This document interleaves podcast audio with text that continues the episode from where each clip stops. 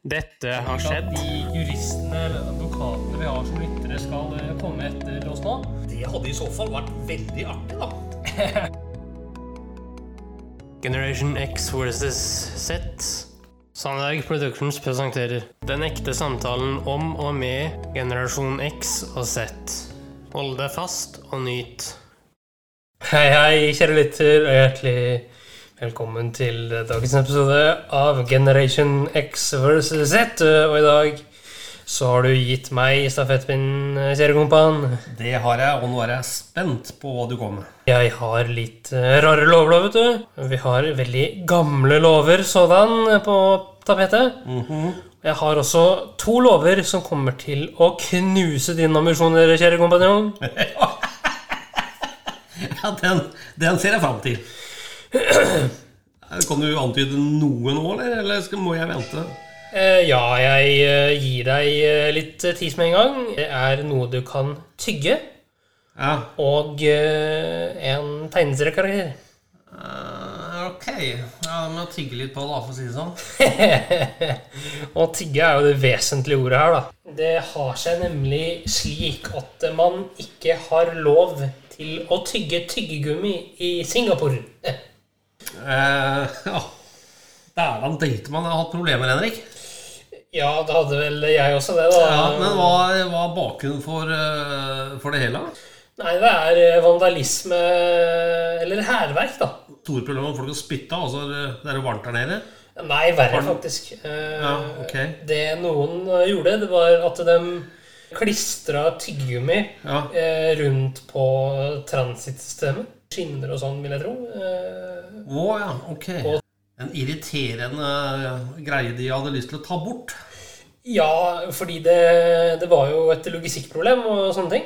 Ja, Eh, for det forårsaket jo store stopp, kanskje, da, i eh, ja sånn, ja, transittsystemet Ja. til eh, singaporerne. Og så står det videre at eh, enhver som importerer, selger eller lager tyggegummi i Singapore, Ja. Kan få bøter og eller fengselstid eller tid i varetekt. da. Fader ulla. Med unntak Av av eh, det kommer jeg til nå, nikotin- og tannlegetyggis. Ok, ja, men det er godt man har unntak, da.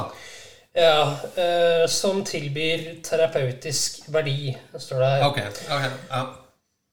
Ja, men det, det er- det var kjekt å vite, da. Så Ja, vi skal videre til en liten eh, kuriositet her nå. Ja, hva er det?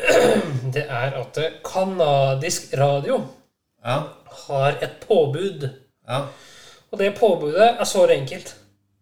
De må spille canadiske artister Ja. mellom seks om morgenen og seks på kvelden. Fra mandag til fredag. Hæ? Er de så ille? Ja, de er så patriotiske, tydeligvis. da. Bare assosieres det da med, med si NRK, da. Ja. Som nesten bare spilt, eh, spilt enda mer enn norsk musikk. Da Ja. hadde ikke jeg hørt mye på radioen. Nei, øh, jeg vet jo Jeg vet jo at amerikanerne er jo veldig patriotiske, men det her tar jo kaka. Det tar kaka, for å si det rett ut. Så øh, nå kommer vi til en øh, lov Ja, okay. som du kommer til å hate. Ja. For jeg vet at ditt forhold til Ole Brumm er veldig positivt. Ole Brumm, det er fantastisk, altså. Forklar litt hvorfor. For det første så er det karakteren. Løgn, rolig, vil vel, er veldig snill, egentlig. Og selv om han antydes å være ganske så dum, så er han en eh, filosofisk eh, geni. Ja, og det her er jo veldig morsomt, for det polske myndigheter Ja. bannlyser Ole Brumm-effekter, Ole Brumm-T-skjorter, Ole Brumm-ting. Eh, jo, det er fordi Ja, den, den, den der, den, den, den, Henrik, vil jeg gjerne høre. Det er et stort fordi her. Eh, det er fordi at eh, Ole Brumm går ikke med bokser. Som Altså, Nå vet jeg ikke om jeg skal le eller gråte, Henrik. Men eh, ja. som polske myndigheter da mener kan ha negativ effekt på påvirkelige barn. At det gjelder eh, lekeplasser, skoler, egentlig alt av offentlig art, vil jeg si da. Eh, og det er jo litt morsomt, for du har jo uttrykt her tidligere at Ja. du har hatt en veldig stor tro på Polen som nasjon. Jeg har kjempetro på Polen. Men eh, føler du at vi går noen steg tilbake nå, eller? Jeg føler at de må eh, modnes i ulike vinklinger, men de er et utviklingsland nummer én, vil jeg nesten si, i hele Europa. Ja, men Vil du si at det her trekker det opp eller ned? Det trekker jo vanvittig ned, da. Men, eh, men jeg tenker at hvert land har, eh, har sin historikk og kultur. Men at eh, på sikt så, så vil ting myknes opp. Hvis ikke det er en ikke-aktiv lov Altså- Kjenner du til det? Om det er en ikke-aktiv lov? Det vil si at det, det er ikke lov, men eh, den praktiseres ikke. Nei, altså Jeg vil jo tro at det er en aktiv lov. Jeg hørte for noen år siden at eh, Ole Brumm ikke var lov i Polen. Fra en ganske troverdig kilde. Uh, neste lov, da. Er at man har ikke lov til å ri på en ku Hæ? på fylla i Skottland.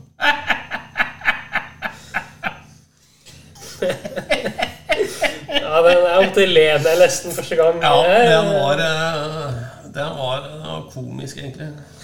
Ja, altså Det står jo videre da at den er fra 1872. Men eh, dette her var jo nesten kostelig, Henrik. ja, eh, det blir litt morsommere, skjønner du. Ja, fortell. For i Barcelona Yes. så har du ikke lov til å gå uten T-skjorte. Ja, det har du nevnt før, Henrik. Ja, altså det står jo da For å holde gatene i Barcelona rene eh, Ja. for strandgåere, så har man da gitt en lov som sier at man ikke har lov til å gå uten skjorte i Barcelona. Det gjelder da for menn i badebukser, eh, kvinner i bikinier, badedrakter og sånne ting. Men strender og basseng er jo da unntaket, da. Riktig. Jeg har jo vært i Barcelona, Henrik, og det er en gigantisk badeby, egentlig. Men da er mitt spørsmål til deg Ja. Var du der før 2011? Jeg var vel der Nei, jeg var der etter 2011. Ok. Eh, Eller var jeg kanskje i 2011? nei, for det står det at eh, loven ble vedtatt i 2011. Å ja. Ja, da var jeg, jeg var der rundt der, da, egentlig. Eh, Vil jeg tro. Og hvis du hadde gått ute med en badebukse, og kun det, Mm. så kunne du fått en bot På som kunne koste opp til 260 euro. Oi, fy fader. Ja. Det har vært sure penger. Men de er kanskje litt sånn eh, medgjørlige overfor eh, forvirrede turister, eller? Nei, jeg tror ikke det. Jeg tror du blir tatt. Og så så du jo, da Ja. at eh, neste lov her, det er at det ikke er lov til å banne i Det forente arabiske emirater. Ja, da blir det nesten halshugd. Ja, jeg kan jo eh, skumlese litt her nå. Ja, gjør det.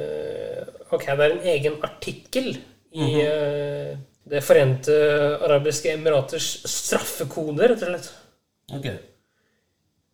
Ja, ikke sant? Det har noe med ære å gjøre. At det diskriminerer ære, ikke sant? Så du har ikke lov til å verken banne eller gi nedsettende fysiske gester til andre, da. Det er også en ting, da. Ja. Eh, Via tekstmeldinger og sosiale medier. ja. Til og med emojis er ikke lov eh, der nede. Ja, man ser ganske strengt, ja. The British Express rapporterer da om en sint mann som sendte en sint melding til en bilforhandler som han mente gjorde han fortred. Ja. Så han, eh, han fikk jo da tre uker i fengsel for å ha gjort det. Den er jo ekstrem, da. Men likevel så burde man liksom kanskje vurdert noe lignende i Norge, eller? Det tar liksom litt av den motsatte retningen i eh, her, vil jeg anta. Eh, ja, jeg tenker også Nord-Norge. Nordlendingene har jo noe å lære av her, da. Ikke til avsky eller forkleinelse for nordlendinger, men eh, de banner litt vel mye, eller? Ja, De er ganske flinke på området. Du har jo slekt her oppe, Henrik. Hammerfest, da. ja, og jeg har jo vært i eh, Finnmark. Det du gjerne ser og hører, Ja.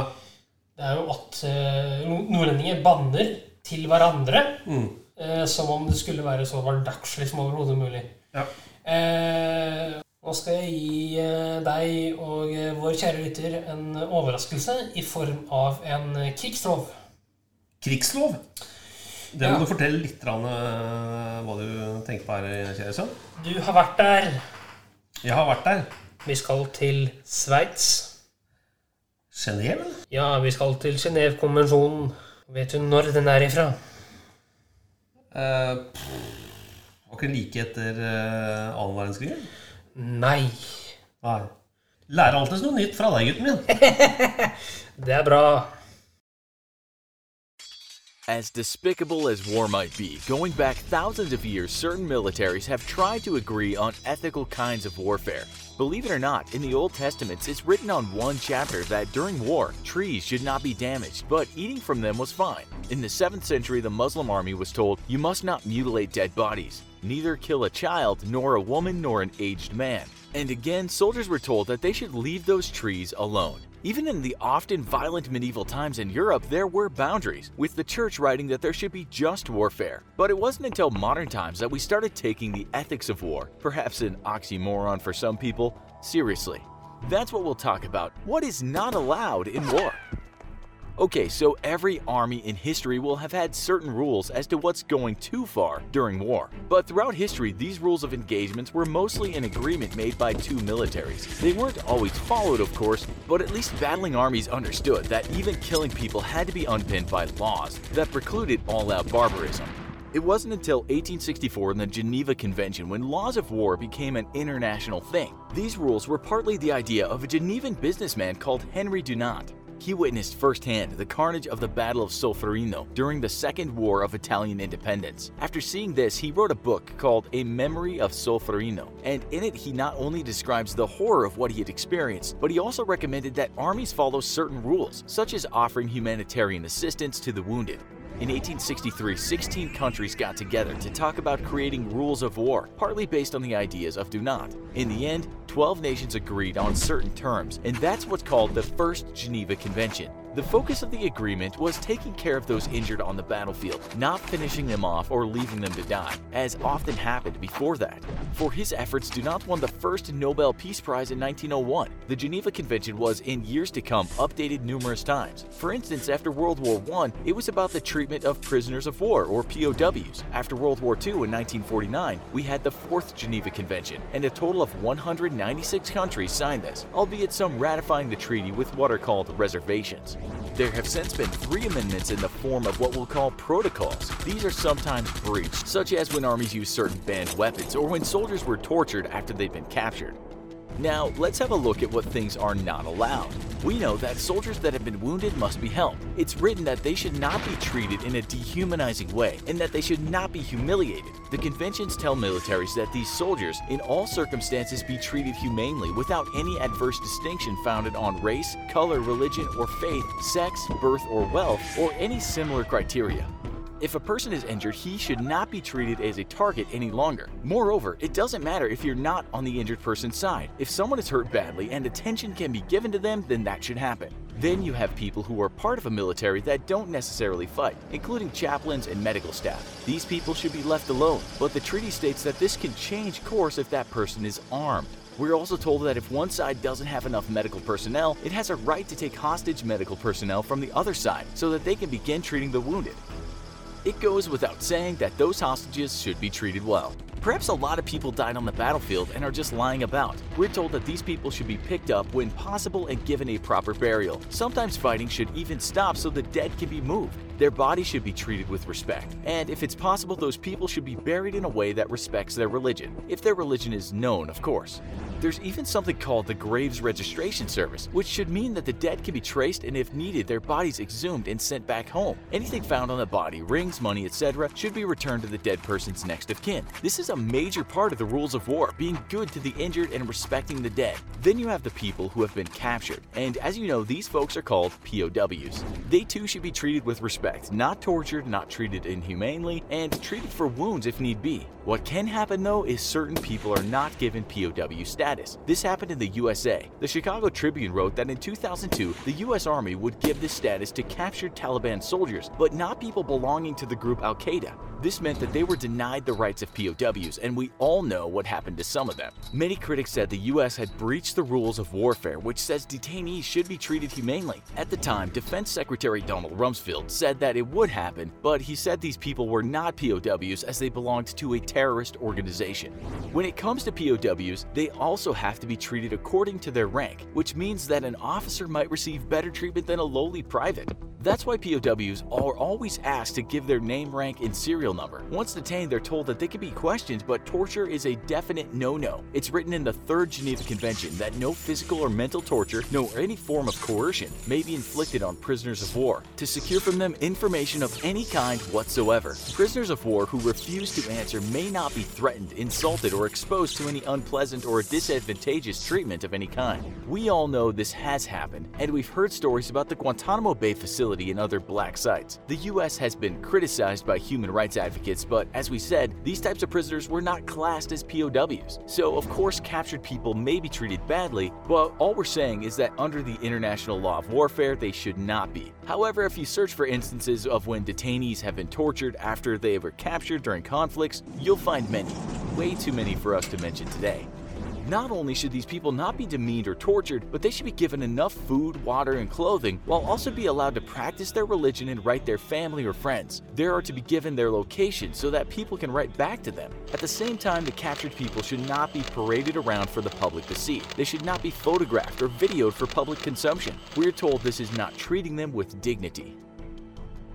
After hearing this, you should know that it goes without saying that civilians should be treated with dignity if they end up too close to an army. They should not be hurt and obviously not be killed. They should be shielded from conflict as much as possible. Again, you can find many breaches of this law over the years. If you want to spend some time reading news stories containing evidence of soldiers willfully killing civilians, you could be reading for a long, long time, and we're just not talking about militaries of less developed nations. This is a Guardian headline from 2010. U.S. soldiers killed Afghan civilians for sport and collected fingers as trophies. We don't mean to pick on the USA, but only point out that the very developed nations breach the rules of warfare from time to time, just as less developed nations do. The good news is that often soldiers that carry out war crimes are charged for their violence, as were the soldiers in the case of the US we just mentioned. Killing civilians is plain unacceptable, as is stealing things from them. If their property or anything else they have is destroyed during conflict, then those civilians should be compensated. If civilians are injured or killed, then the army that did it should also compensate the family. These are known as condolence payments. The Intercept tells us that the US military's price of life is usually capped at $5,000. This is tricky business, of course, as who wants to put a price on life? One U.S. attorney told The Intercept, If I have a case of a 28 year old doctor, they're going to be paid more than we paid for a child of four. So, what is lost, whether a thing or a person under the rules of law should be compensated for? Those civilians that did not die should not be removed from their homes unless it's for their own safety. They cannot be forced to fight, but they can be made to work if that work is not directly related to violence. They should also be paid for their work and paid according to proper wages, not used as slaves. If a civilian decides that they want to go up and leave during the conflict, they must be allowed to do so. But if a good reason can be given why they should not be allowed to leave, then they can be stopped. All civilians have the right to appeal this. Militaries are also told to protect what we call cultural property. As you can guess, this might include monuments, certain buildings, places of science, but also just books, works of art, and many things that have importance within a culture. You should never mess with the heritage of a culture as far as is possible. There's also laws relating to what weapons one can use. As you probably know, militaries cannot just start dropping the plague on towns or spraying biological weapons around. Yes, militaries all over the world have put considerable effort in developing such weapons, but they are now illegal in war. We might take mustard gas, for instance, which was used in the First World War. This is not allowed to be used anymore. Other illegal things are nerve gas, tear gas, phosphine gas, and even pepper spray, as it's kind of a chemical weapon. Foreign Policy magazine tells us that the use of landmines is a war crime, although we're told that 20 countries have not signed the landmine ban agreement, including the USA, Russia, and China. The treaty also asks countries to clean up all their landmines, which would be some job for certain nations. We're told napalm is not illegal to use, but it can't be used to kill people, only to burn things. The same goes for flamethrowers. They can be used to clear forests and such, but cannot be used to set people alight. This list is a long one when it comes to all kinds of banned weapons. For instance, military should not use dirty bombs, salted bombs, or hollow point bullets or poisoned bullets. Wow. Ja, det var uh, Genévekommisjonen, det. Man lærer mye av uh, Aleinrik. Du får fram, altså. Jeg gjør ofte veldig lite research, men jeg vet hva jeg skal finne. Ok, ja. Og så vet jeg hvor jeg skal lete, da. Ja, det er jo en fordel. Men uh, nå skal vi over til et fast segment uh, her i podkasten. Snakker vi humor? Mm, ikke i dag. Ikke i dag. I dag så skal du lære. Ja vel.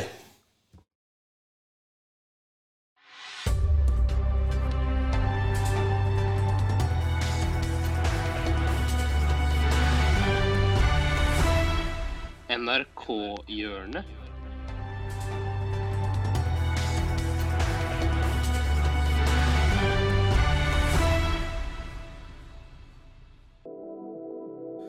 Ja da. I dag så skal du lære, kjære lytter, seriekompanjong, norsk. Eh, ok. Vi skal til verbøyning. Oh, ja. Det, det her minner meg om barneskolen og ungdomsskolen. Altså, herregud. Det er riktig. Oi, oi, oi, oi, oi, oi, oi. Skal jeg kjøre klipp? Ok.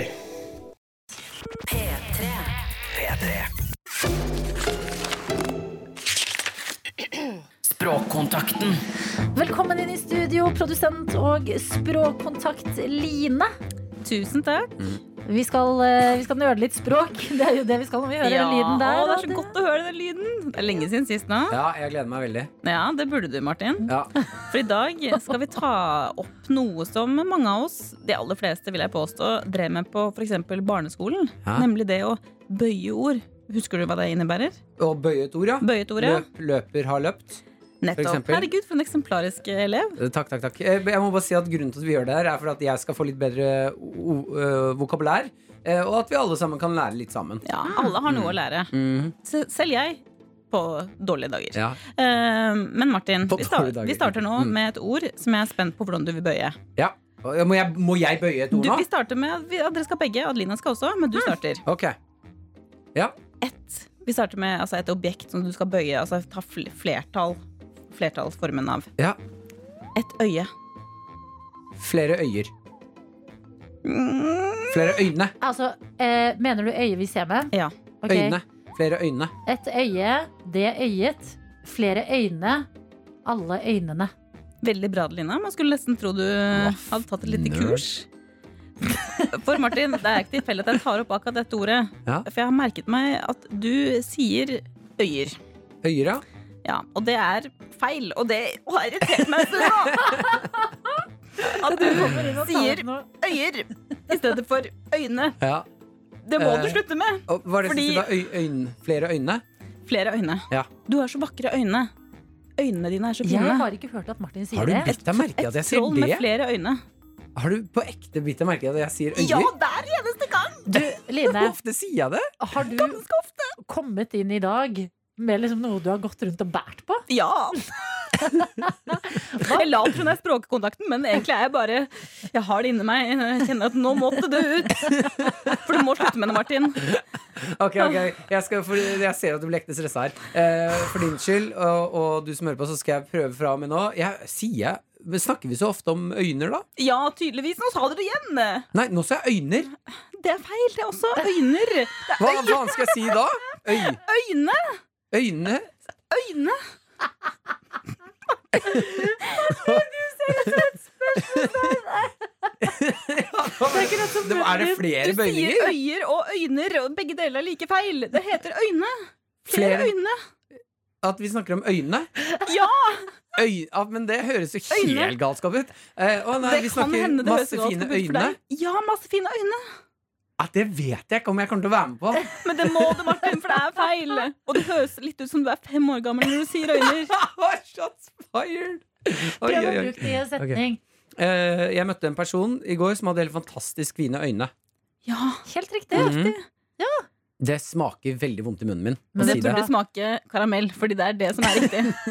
Og vi må skjerpe oss nå på det. Livet er okay, okay. så sassy, ass. Det er greit. det er greit Jeg skal Takk, vær så snill. Øyne, øyne, Øyne. øyne. Jeg skal være på vakt. Her får du som hører på, også være litt på vakt. Fordi eh, jeg har tydeligvis eh, hørt dette og latt det passere. Uffa meg. Mm. Beklager, Line.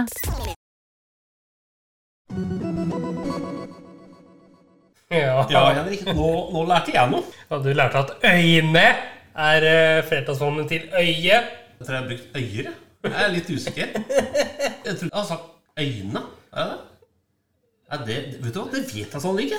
Nei, eh, det Mange som ikke vet det.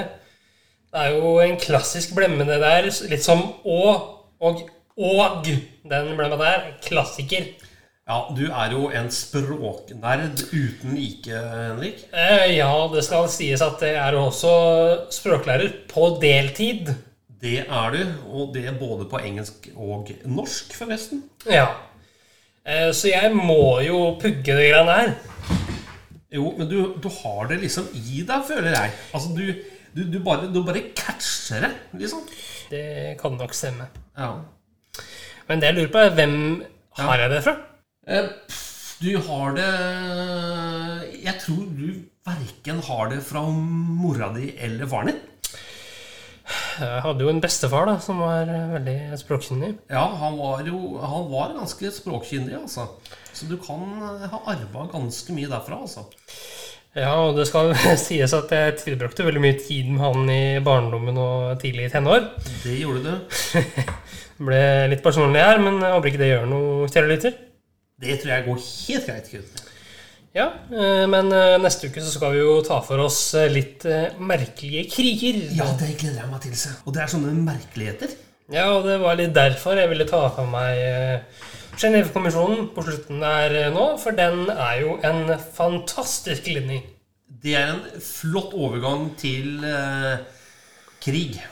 Ja, og Kan ikke du forklare litt da om neste episode, for den skal jo du ha? Telekompan? La meg heller si det på den måten at det fins ekstremt mange årsaker til en krig. Noe bygger rett og slett på en ren misforståelse. Og andre ting er, er banale ting. At det er Man bare kan bare lure på hvor kloke eller dumme vi mennesker er. Ja, Vi skal ha hvordan kriger egentlig har starta, og hva er det som har lagt til grunn for eh, begynnelsen. En krig som ble en realitet der flere titalls tusener av mennesker døde pga. noen kaker. Da går det litt langt, eller? ja eh, det går litt langt, vil jeg jo føle da. Det merkelige med den krigen, Henrik, det var jo en krig som eh, de var langt ifra naboer eller? Ja, Det var jo eh, mellom Frankrike og Mexico, det her. Ja, mer sier vi ikke i denne omgang. Det har vært en stor, stor fornøyelse å sitte her sammen med deg og ha en pod. Og jeg bare gleder meg til neste uke. Jo, takk det samme, du. Tusen takk. Ha det godt. Tusen takk for at du fulgte oss. Gi gjerne tilbakemelding, likes eller kommentar på Facebook-siden vår Generation X versus Z. Velkommen igjen til neste podkastepisode. Hei då!